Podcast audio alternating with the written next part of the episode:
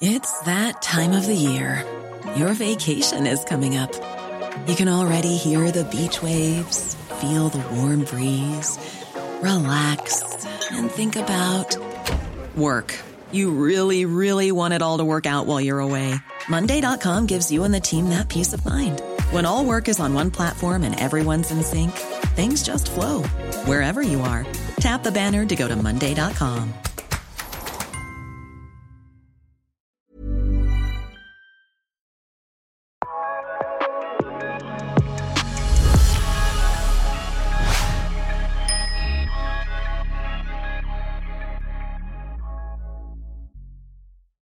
Hej innebandy Sverige! Välkomna till det här avsnittet.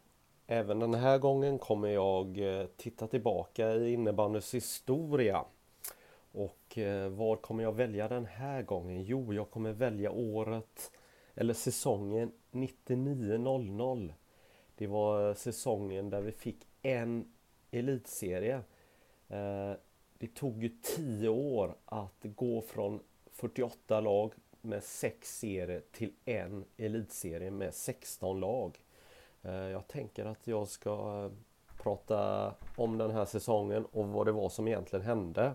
Men minns ni mer vad som hände 1999? Brynäs vann eh, SM-guld i ishockey. Helsingborg vann Allsvenskan i fotboll. Vi eh, damlandslaget innebandy förlorade sin första landskamp mot Norge när man förlorade med 4-3 i Bålänge. Två månader senare så eh, misslyckades man, eh, svenska damlandslaget, eh, på hemmaplan i hemma-VM i Bålänge. Där man missade, semifinal... eller man missade att ta sig till final, man förlorade semifinalen. Och det ledde till lite kris där på Sveriges Television som hade planerat att sända finalen. Nu fick man sända bronsmatchen vill jag minnas. Eh, det jag också minns av eh, VM i Borlänge det var att det spelas där i Kupolen och det är ett stort köpcentrum precis vägg i vägg. Var man två meter utanför eh, hallen så hade man ingen aning om att det spelas ett VM i innebandy bara några meter därifrån. Det var lite märklig känsla. Men ja, Finland vann ju till slut eh, finalen mot Schweiz och blev världsmästare. Eh, Charlotte Perrelli, hon hette väl Nilsson då, hon vann ju Eurovision också då eh, det här året. Haninge vann SM-guld. Så de, när den här säsongen startade så var de regerande mästare. De vann ju ganska överraskande måste man säga sitt första guld då 99 Eh, Högdalen eh, vann ju damguldet eh, samma vår. Eh, mm. Och de som eh, håller på Manchester United eh, minns ju också att det här var ju året då när Jesper Blomqvist vann Champions League och gjorde ju Manchester United på ett speciellt sätt.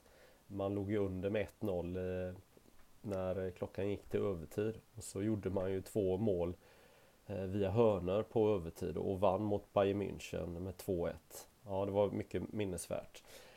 Men om vi ska börja prata den här säsongen då så, så måste vi faktiskt gå tillbaka till året innan, eh, säsongen innan då när eh, Haninge blev mästare.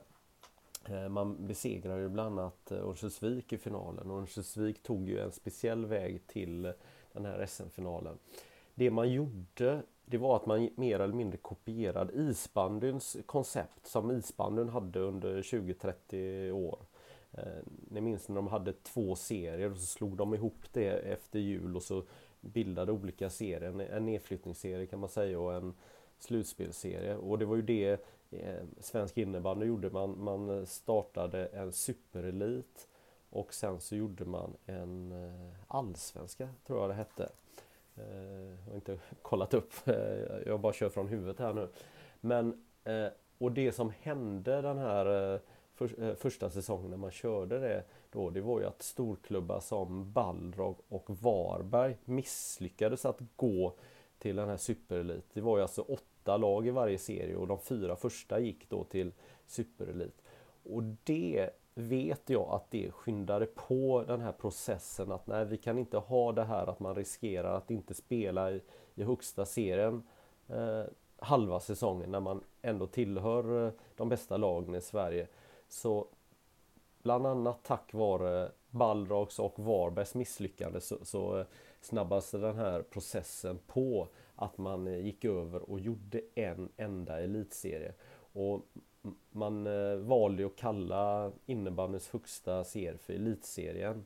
Eh, en bit in på 2000-talet så bytte den ju namn till Superligan. Det var ju i samband med att eh, TV4 fick, eh, eller köpte rättigheterna, eller ja, fick rättigheterna till svensk eh, toppinnebandy. Då bytte man ju namn, bytte lite koncept och då började kalla den eh, Svenska Superligan då, som den heter fortfarande då. Men det var en eh, serie med 16 lag. Ja, 16 lag i, i Sverige, utspridda över hela Sverige. Det var ju fantastiskt häftigt eh, när vi nådde den här milstolpen att eh, vi hade en enda serie. Eh, processen eh, gick ju ganska fort nu i efterhand men när man levde under de här tio åren från 89 till 99 så var det nog många som tyckte att det tog ganska lång tid ändå. Den här nedtrappningen från eh, sex serier till fyra serier till två serier och sen eh, det här superelit, allsvenska och sen elitserien då.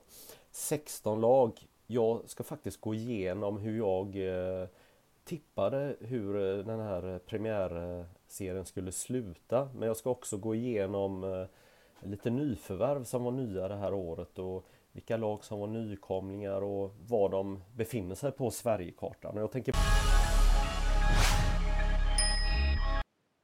Vill du fortsätta lyssna på hela avsnittet? Det kan du göra som innebandymagasinet Plus-medlem. Logga in på innebandymagasinet.se